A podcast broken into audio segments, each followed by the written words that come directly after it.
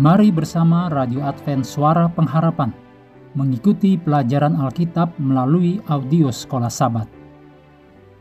Shalom bagi semua sahabat pendengar.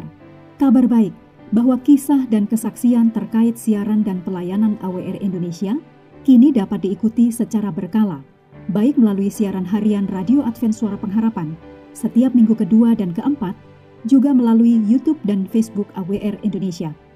Terima kasih banyak untuk yang sudah menyampaikan dan masih terbuka bagi Anda semua untuk segera SMS atau telepon ke nomor AWR di 0821 1061 1595 atau di nomor 0816 1188 302 untuk WhatsApp dan Telegram.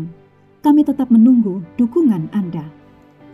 Selanjutnya kita masuk untuk pelajaran hari Rabu tanggal 10 Agustus. Judulnya Rencana Bapa Kita untuk Kita. Mari kita mulai dengan doa singkat yang didasarkan dari Roma 15 ayat 13. Semoga Allah, sumber pengharapan, memenuhi kamu dengan segala sukacita dan damai sejahtera dalam iman kamu, supaya oleh kekuatan Roh Kudus kamu berlimpah-limpah dalam pengharapan. Amin.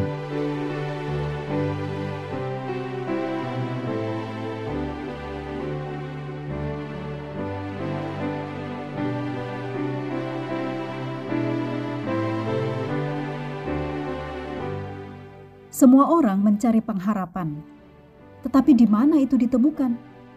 Bagi sebagian orang, pengharapan ditemukan dalam senyuman seorang teman. Bagi yang lain, pengharapan tumbuh dari keamanan finansial atau pernikahan yang stabil. Di manakah Anda biasanya mencari pengharapan dan keberanian? Dalam kitab Yeremia, sang nabi menulis kepada orang-orang yang kehilangan pengharapan di pengasingan.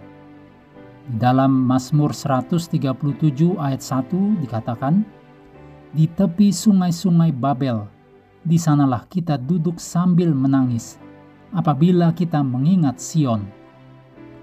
Namun, meski patah hati, Yeremia membeberkan alasan bahwa mereka tidak boleh putus asa Pengharapan apa sajakah yang diberikan dalam Yeremia 29 ayat 1 sampai 10 mengenai surat kiriman kepada orang-orang buangan di Babel? Dalam perikop ini ada tiga sumber pengharapan penting yang patut disoroti.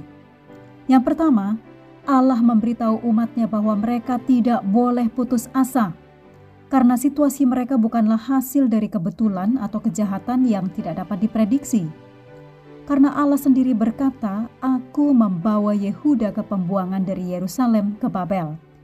Demikian dicatat dalam Yeremia 29 ayat 4. Meskipun kejahatan tampaknya mengelilingi mereka, Yehuda tidak pernah ditinggalkan oleh tangan Allah. Kedua, Allah memberitahu umatnya bahwa mereka tidak boleh putus asa, karena dia dapat bekerja bahkan dalam kesulitan mereka saat ini.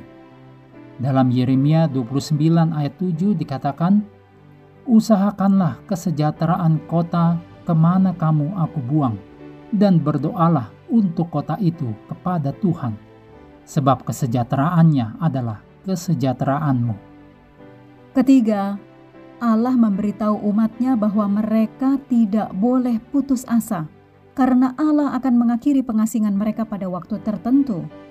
Yeremia 29 ayat 10, sebab beginilah firman Tuhan, apabila telah genap 70 tahun bagi Babel, barulah aku memperhatikan kamu. Aku akan menepati janjiku itu kepadamu dengan mengembalikan kamu ke tempat ini. Setelah Allah menjelaskan bagaimana Dia bertanggung jawab atas masa lalu mereka, bertanggung jawab atas masa kini mereka, dan akan bertanggung jawab atas masa depan mereka, Allah kemudian dengan indah menyampaikan perhatiannya yang lembut bagi umatnya, ditulis dalam Yeremia 29 ayat 11 sampai 14. Anda perlu membaca secara langsung Yeremia 29 ayat 11 sampai 14 dan ucapkan nama Anda untuk setiap kata kamu seolah-olah Allah membuat janji-janji ini kepada Anda secara pribadi.